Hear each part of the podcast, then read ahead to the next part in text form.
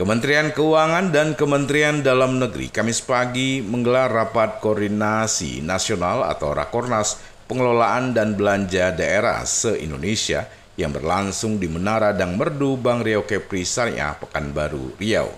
Gubernur Riau Samsuar mengapresiasi diselenggarakannya Rakornas tersebut dengan mempercayai Riau sebagai tuan rumah. Menurutnya, penyelenggaraan kegiatan tersebut merupakan kesempatan baik bagi seluruh daerah untuk memperoleh informasi dan wawasan baru, memberikan masukan serta menyamakan persepsi menghadapi dinamika pengelolaan keuangan pasca terbitnya Undang-Undang HKPD. Undang-Undang HKPD bertujuan meratakan kesejahteraan masyarakat dengan alokasi sumber daya nasional yang efektif dan efisien melalui hubungan keuangan antara pemerintah pusat dan pemerintah daerah yang transparan dan akuntabel.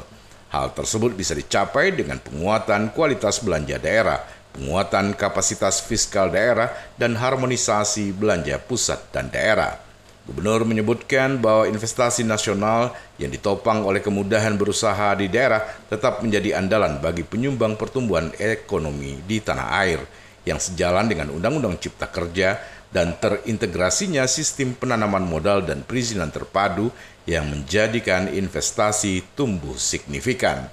Bahkan Riau menjadi salah satu daerah tujuan investasi yang paling diminati di luar Pulau Jawa. Pasca diterbitkannya Undang-Undang Nomor 1 Tahun 2022 tentang HKPD, Gubernur mengharapkan keuangan atau bagi hasil ke daerah, khususnya Riau bisa adil sehingga bisa mensejahterakan daerah. Ya, hari ini kan uh, dari Kementerian Keuangan dan Kementerian Negeri mengadakan pertemuan dengan seluruh kepala Bapenda dan kepala dinas yang terkait termasuk Sekda uh, se-Indonesia ya diadakan di sini. Tentunya kita apresiasi lah memberikan kepercayaan kepada kita melakukan rapat koordinasi. Ini kan tindak menindaklanjuti undang-undang HKPD itu. Jadi dari sinilah kita harapkan nanti uh, agar nanti pembagian-pembagian itu daerahnya jelas. Yang kita harapkan nanti tentunya bisa membawa kesejahteraan bagi masing-masing daerah secara adil dan merata. Untuk sawit gimana Pak?